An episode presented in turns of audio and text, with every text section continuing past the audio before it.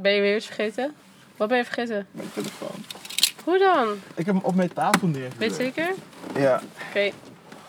Zie je over vijf minuten weer. Yes. Doei! Je luistert naar Grensgangers. Een podcast waarin twee duo's jonge schrijvers uit België en Nederland de grens overgaan om in gesprek te gaan met schrijvers aan de andere kant. Daan Janssens en Jens Meijer gaan vanuit België naar Nederland. En wij, Onias Landveld en Lisa Weda, gaan vanuit Nederland naar België om te praten over het literaire landschap van de boven- en onderburen. We proberen een antwoord te vinden op de vraag of er een literaire kloof is en of, als dat zo is, deze gedicht zou moeten worden.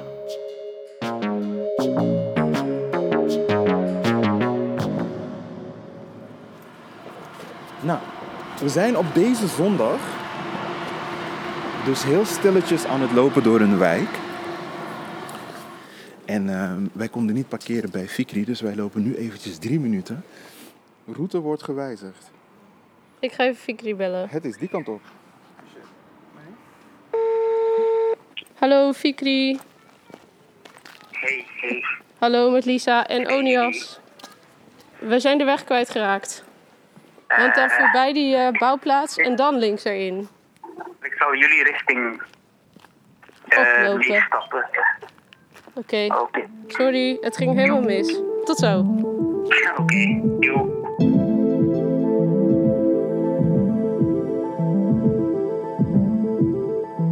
Vandaag gaan we naar Fikri El Azouzi. Die gigantische boeken schrijft. Ongelooflijk. Spannend. Ja! Ah, Goedemiddag. Oh ja. oh, wacht even. Hey, Hey, hoi. Wauw. dit hier Gewoon heel, heel cool. Ja. Een tagine op de, de keukenblad. Hallo.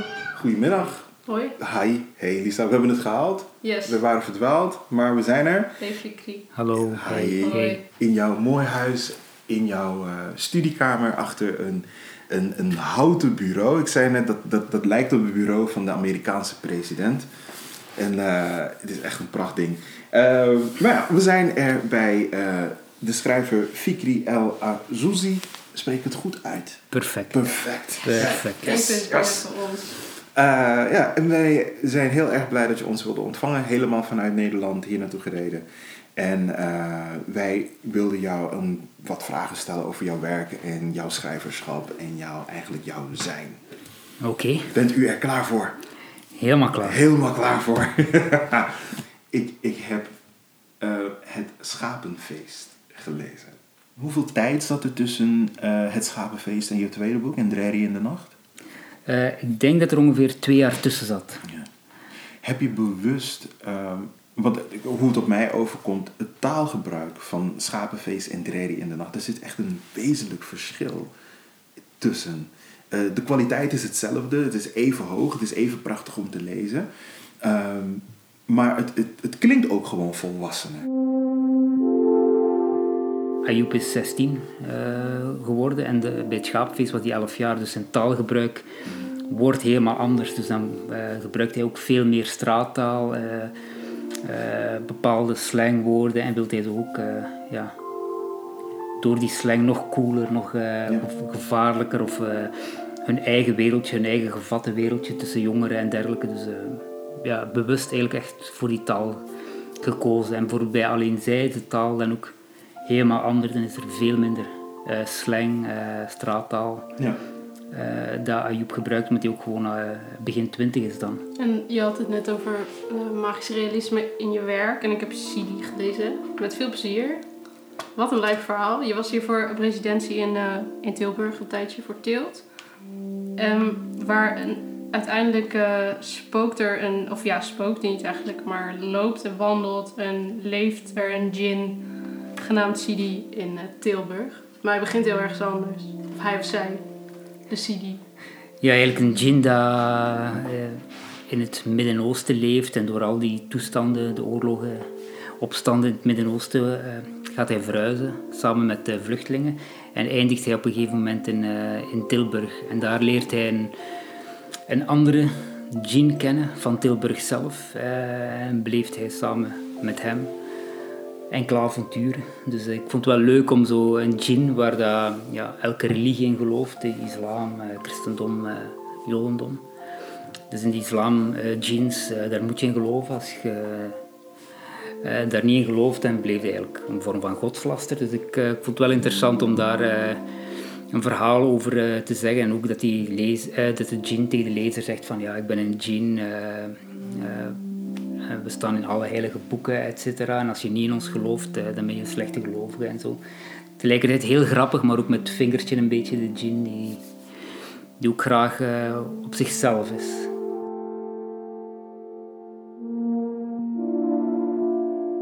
Hoe, ik vond het heel interessant, het is, het is een heel kort en klein boekje. op het eerste gezicht. Maar er zitten bizar veel lagen in voor zo'n Ah ja, dank. verhaal. Ik vond ook, Sidi eh wil van de mens eh, vooral afstand bewaren. Want als je dicht bij de mens komt, dan heb je na- natuurlijk veel meer sympathie eh, en dergelijke. En dat wil hij totaal vermijden. Dus als er problemen zijn met de mens, dan is het ook niet zijn probleem. En hij weet andere jeans die wel, want jeans kunnen ook gewoon met mensen trouwen en dergelijke en samenleven. staat in, de, in overleveringen. En dat wil hij absoluut niet. Dus hij wil gewoon op zichzelf. En hij, het liefste wat hij doet is de, de mens aanschouwen. Hoe dom dat de mens doet en wat allerlei toestanden. eh, de oorlogen, de, ja, men kan er afmaken. Dat vindt hij op zich wel een heel interessant gegeven. Maar hij wil het gewoon wel op een afstand. Alsof hij naar, eh, een, naar theater aan het kijken is. Ik vroeg me af of je, we gaan zo nog meer vragen, maar of je een stuk voor zou willen lezen ehm, waarin hij eh, ja, bij een groep koeien terechtkomt. Waar ik erg om heb gelachen. Ehm, hij heeft daarvoor een beetje gechilled met een tonijn. Eh, en uh, wou je vragen of je bij Mina zou willen Ah. Oké. Mina drong aan om een paar dagen te blijven, zodat ik weer uitgerust kon verder reizen. Ze wisten niet dat een djinn onvermoeibaar is, maar de gastvrijheid van deze koeien charmeerde me. Als de dieren me al zo'n warme ontvangst gaven, beloofde dat veel goeds voor de mensen. Dagenlang schotelde elk zwartgevlekt dier me haar heerlijkheden voor. De melk maakte me licht in mijn hoofd. Ik keek scheel en voelde tintelingen over heel mijn lijf. Iets wat een djinn normaal gesproken nooit ervaart. Dat deerde me niet, want ik genoot van hun aandacht. Helaas werd hun gedrag steeds vreemder. Ik moest netjes praten, niet met zo'n vreemd exotisch accent. Ik moest me aanpassen aan hun gewoonten. Als ik op mijn beurt iets van mijn gewoontes wilde overbrengen, gingen ze met hun brede kont naar me toe staan. Het kon niet zo zijn dat een vreemde djinn de dienst uit ging maken. Ik wist niet goed wat ik fout deed, maar om de lieve vrede te bewaren, bood ik toch maar mijn excuses aan. De koeien werden steeds dwingender. Ik mocht niet smakken, geen boertjes laten, dat was onbeleefd en een teken dat ik niet wilde integreren. Ik verontsch- verontschuldigde mij voor mijn respectloos gedrag. Sommige koeien vonden dat ik misbruik van hun welwillendheid maakte en te hard in hun uiers kneep. Ze voelden zich aangerand. Heel de wei keerde zich nu tegen mij. Ik moest van hun lijf afblijven. In een land waar geen gras groeit, was mijn gedrag misschien normaal, maar hier absoluut niet. Ik boog nederig mijn hoofd en vroeg om vergiffenis. Daarna hadden ze opmerkingen over mijn uiterlijk. Waarom was ik zo kleurrijk gekleed?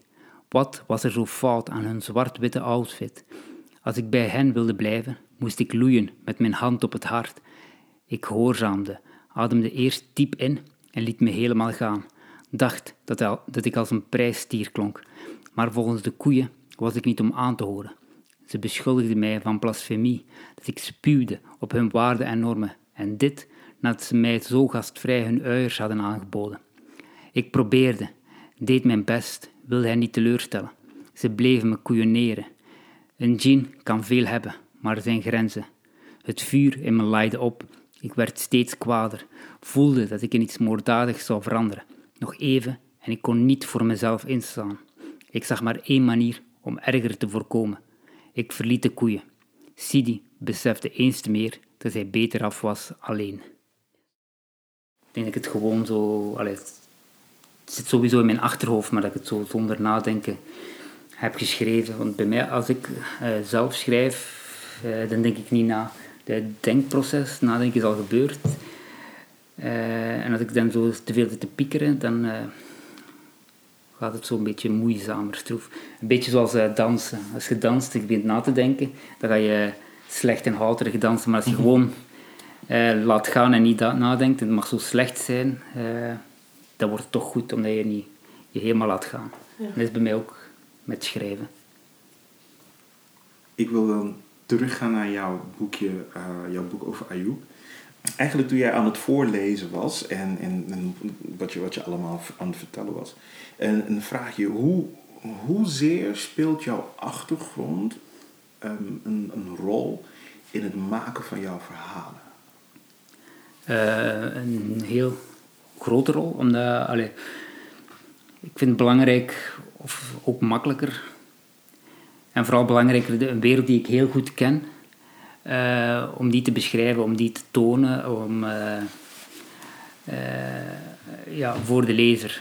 Het zou heel raar zijn als ik bijvoorbeeld vanuit een Congolese familie, omdat ik die wereld totaal niet goed ken, te vertellen. Dus ik ben van Marokkaanse origine, dus meestal, allee, bijna in al mijn boeken komen Belgen, Vlamingen van Marokkaanse origine eh, erin voor. En uiteraard ook Vlamingen, omdat ik die wereld ook heel, heel, heel goed ken. En uiteindelijk, ja, bij het Schapenfeest, eigenlijk al mijn, al mijn werk, ook mijn theater, is humor. Eh, heel belangrijk. Dus eh, ik had van de eerste pagina's dat ik had geschreven, het prille begin, dat daar mijn, mijn eh, grote, grote kracht in zit. En ik vind het ook belangrijk humor, omdat eh, eh, met humor kun je bepaalde dingen aankaarten. Het is ook eh, een heel goed medicijn tegen pijn en verdriet. En eh, je brengt ook mensen, mensen bij elkaar. Als, je- als iemand u laat lachen en dergelijke, of glimlachen, dan eh, heb je al sowieso al meteen een betere band. Hè. Ja, ja, ja. Ja, brengt humor makkelijker dichterbij. Ja, ik denk het wel. Als, als ik nu bijvoorbeeld een, een grap of zelfs een slechte grap en jij lacht, dat je me uiteraard zo wel wat sympathieker vindt als ik heel de tijd droog en zo heel eh, ja, eh, met vingertje begint te zwaaien of heel intellectueel of dergelijke. Dus humor vind ik ook een heel, heel eh, hoge vorm van, intelligentie. Dus ik vind grappige mensen ook op zich wel bijzonder slim. Dus eh, iemand zonder gevoel voor humor, ja. Dus. ik ga geen grote woorden, dat is gewoon jammer. Het verhaal speelt zich af op één dag. Eh, en de humor die daar plaatsvindt, ehm, ik als zwart persoon, er gebeuren bepaalde dingen met hem. En hij is een Marokkaanse jongen die ik kan plaatsen. Ik kan het plaatsen, ik begrijp het, ik zie het. Hij, doet, hij zegt soms iets tegen zijn vader. En voordat ik al lees wat zijn vader gaat doen, weet ik van jongen, daar komen problemen van. En dat komt dan ook. Ehm, is dat een stukje autobiografie, die, die humor? Heb, heb jij dat ook eh, op een bepaalde manier ervaren? Ja, ik denk dat er wel stukken, eh, kleine stukken autobiografisch zijn. En ik denk dat dat voor velen heel herkenbaar is. Een streng autoritaire vader. eh, en jij als jongetje probeert op een of andere manier in, in opstand te komen. Het lukt wel niet goed, maar eh, dat is op zich wel... wel Je probeert het. Eh, ik probeer het. Eh, het is op zich wel grappig. En tegelijkertijd, het jongetje zegt in, in het schapenfeest. dus hebben dan een schaap gaan eh, slachten voor het offerfeest, toen dat het nog mocht. En Ayoub, als 11-jarige jongen, stelt zich heel wat vragen van ja, waarom is dit allemaal nodig? Waarom kunnen we niet gewoon als de, als de witte naar de slager gaan? Of eh, gewoon een ijslammetje. In Vlaanderen eh vieren ze een ijslammetje, snijden ze een ijslammetje in twee en dan komt er zo wat rode liqueur uit. en Ayoub zegt al dat gedoe voor, voor het offerfeest. eh. en tegelijkertijd is hij heel hard aan het worstelen met zijn ide- identiteit op eh 11, 11-jarige leeftijd. En ik denk dat elke eh allochtoon, eh, jonge meisje van vreemde origine, die worsteling eh, meemaakt hè, of eh, Ja. doormaakt. Dus dat vond ik ook wel heel belangrijk om dat eh, in het Schapenfeest en ook in de andere boeken aan te kaarten.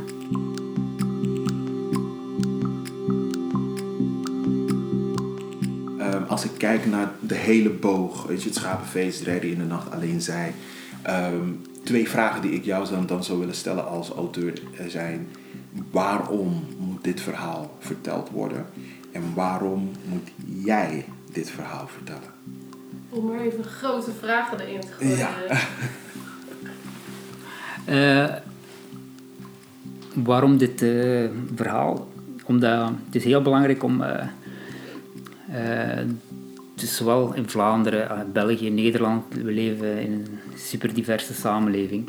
En als je alleen eh, verhalen leest van een, een wit familieroman die dat gaat over klassieke muziek en dergelijke, dat is voor mij heel jammer en dat gaat eigenlijk over niks. Dus ik zou heel graag zelf de wereld van Marokkaanse jongeren willen weten. Surinaams, eh, een Surinaams gezin, hoe dat daar aan toe gaat. Want dat vind ik zo heel interessant. Dat wekt echt mijn, mijn nieuwsgierigheid. Want dat is ook gewoon Nederland eh, eh, en België van vandaag. Dus die verhalen moeten verteld worden. Zeg maar over 100 jaar en een of andere literatuurwetenschapper gaat terugkijken van hoe was de wereld, hoe was Vlaanderen beschreven in de literatuur. Nu momenteel eh, klopt het helemaal niet, want eh, eigenlijk Vlaanderen eh, is, wordt eigenlijk gedomineerd door eh, witte, witte schrijvers en die vertellen hun verhaal wat ze het best kennen en van, vanuit hun standpunt. En dat is heel, heel jammer. En in Nederland heb je dat ook gewoon eh, zo en dat is gewoon eh, zonde. En waarom dat ik dat moet vertellen? Omdat ik, ja, ik ben gewoon de beste schrijver dat er is. Hè. Dus, eh, zonder vorm van ironie. Oh, Dus ik vind dat ik wel goede boeken heb geschreven. En mijn laatste boek, Yes. De Beloning, eh, dat is, vind ik echt wel een, eh, een meesterwerk. Heel grotesk geschreven en het is eigenlijk een absurde sati- satire op het martelaarschap. Het hoofdpersonage is eigenlijk lichtjes geïnspireerd op de man met het hoedje. Terroristen met zware koffers in, in de luchthaven. En er was één van hen die droeg een hoedje en die is op, op het laatste is die afgehaakt en is die gaan eh, eh, weggerend. De zwaarste bom was zelfs van hem.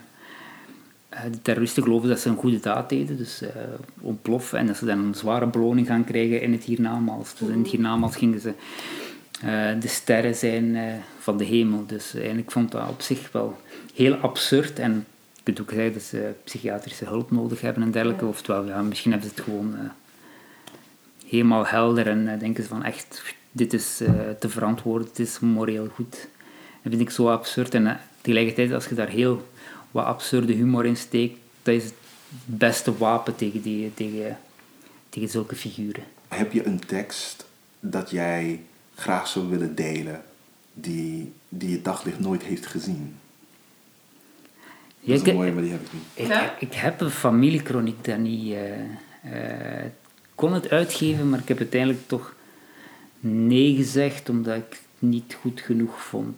Een hele familiekroniek. Ja, zo goed als... eh, het is wel vrij dik. Het is dikker dan bijvoorbeeld dit. Eh, ik weet niet als ik het ergens kan... Nou, als je een passage hebt dat je wil delen, graag.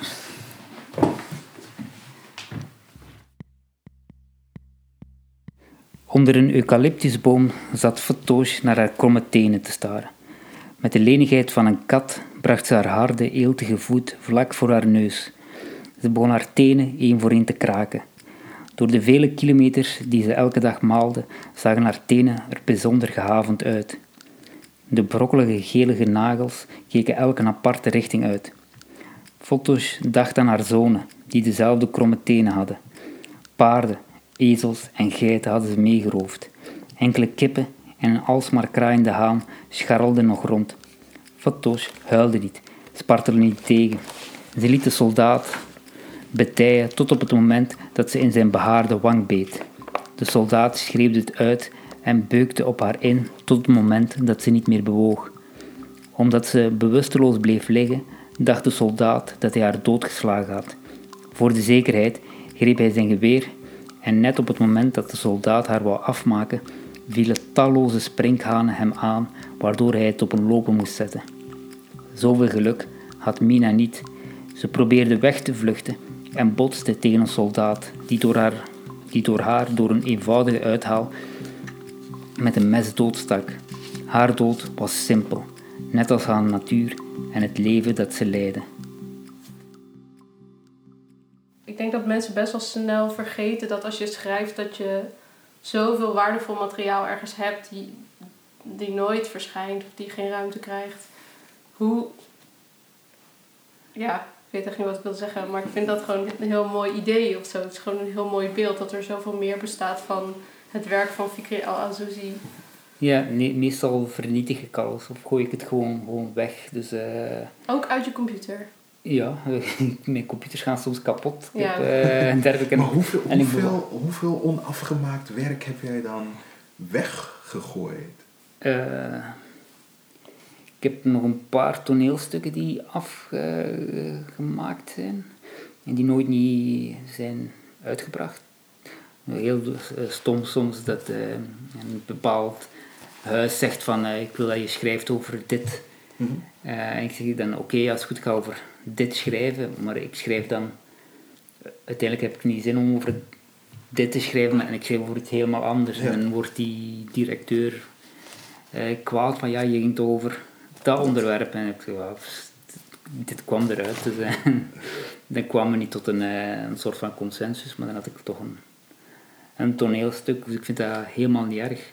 Dus mm, mijn boeken zijn altijd een, ongeveer een twintigtal versies van. Dus eh, het is niet dat ik ze zo in één ruk en dan is het helemaal goed. Ja. Eh, dat bestaat niet. Mijn eerste versie is eigenlijk al meestal eh, verschrikkelijk eh, slecht. Dus je moet er echt heel veel tijd om tot de juiste vorm en het goede ritme te hebben. Ja, ja. Dus wat ik zo eerlijk vind aan jouw schrijfstijl, is dat jij een situatie schetst vanuit alle personages die ermee te maken hebben. Mensen die het mee eens zijn, mensen die het niet mee eens zijn. Ehm, eh, de vriendin van, van de oom van Ayoub, die is wit en die heeft, geeft ook haar mening. Die zegt van ja, waarom, waarom sla je die jongen bijvoorbeeld? Dat, dat hoeft toch niet. Die heeft dan, en dat, dat voor mij, toen ik dat las, dacht ik van ja, dit is precies hoe het gaat. En jij doet dat zonder een oordeel te vellen. Jij schetst gewoon een beeld en dat, dat vind ik heel mooi. Ja, ik vind zelf boeken waar je eh, dat ze oordelen of zelfs veroordelen, of ze met vingertjes zwaaien of, eh, of kijk eens hoe slim dat ik ben boeken, eh, vind ik eigenlijk heel irriterend. En ik vind het ook belang- belangrijk dat ik zelf als Belg eh, van Marokkaanse origine, dat ik ook de nodige zelfspot heb. Ja. Eh, en dat is waarom dat ik ja. zoveel van Joodse, Joodse literatuur hou, omdat die, die, die lachen met de, de, de meest gruwelijke dingen en toch Ja. eh, doen die daar eh, eh, met een vorm van humor, maken die dat veel draaglijker en veel amusanter om, Ja. om daarmee te leven en, en ook, te, ook te lezen. Wat ik best wel lastig vind, een beetje... Ik mag het zeggen, want ik ben ook deels van een andere afkomst. Yes. Een beetje witte navelstaar literatuur. Ehm, hoe denk je dat, het, eh, denk je dat het, het landschap gaat veranderen... zodat iemand bijvoorbeeld over 50 jaar veel beter kan lezen... wat voor België er eigenlijk echt was en is... en wat voor België en Nederland er bestaat in de literatuur. Ik hoop het. Eh, ik denk, eh, het gaat wel heel, heel, heel erg traag. Want toen ik eh, gedebuteerd was, was in 2010, was ik eigenlijk de, de enige, samen met eh, Rachida Lambrabet eh, en Mustafa Keur, de enige allochtone schrijvers. Misschien ben ik nog eentje vergeten. En nu, acht jaar later, is er nog niet zo echt... eh, veel bijgekomen. Dus ik denk dat we nog altijd met, ik- kan ze nog altijd op één hand tellen in, in Vlaanderen en dat is wel ontzettend weinig. Maar ik zie dat er eh, in de Verenigde Staten er al een heel wat, eh, vanuit de zwarte gemeenschap, heel wat literatuur, film en dergelijke echt zwaar aan het opkomen is. En de Verenigde Staten staat al wel eh, x aantal jaar voor op Europa. Dus misschien volgen wij nog over een paar jaar. Ik hoop het. Yes, eh Fikri El Azouzi, eh, een nieuw boek is uitgekomen. De beloning. De Beloning. Koophem, uitgegeven, uitgegeven door De Geus. En, En Tupac eh, Shakur zit erin. Tupac Ja. Shakur zit erin. Yes. Dat is altijd goed. Nice. Yes, Vigri, mogen we je heel erg bedanken voor jouw gastvrijheid en je openheid en dat je dit wilde delen. Ehm, en eh, wij gaan kijken of wij doorgaan naar Antwerpen. Ja.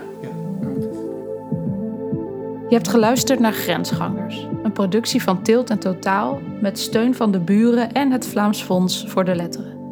Wij zijn Onias en Lisa. De eindredactie wordt gedaan door Anne van de Wetering en Pim Cornelissen. De muziek is afkomstig van Amir Vahidi en montage gebeurt door Misha Kolen.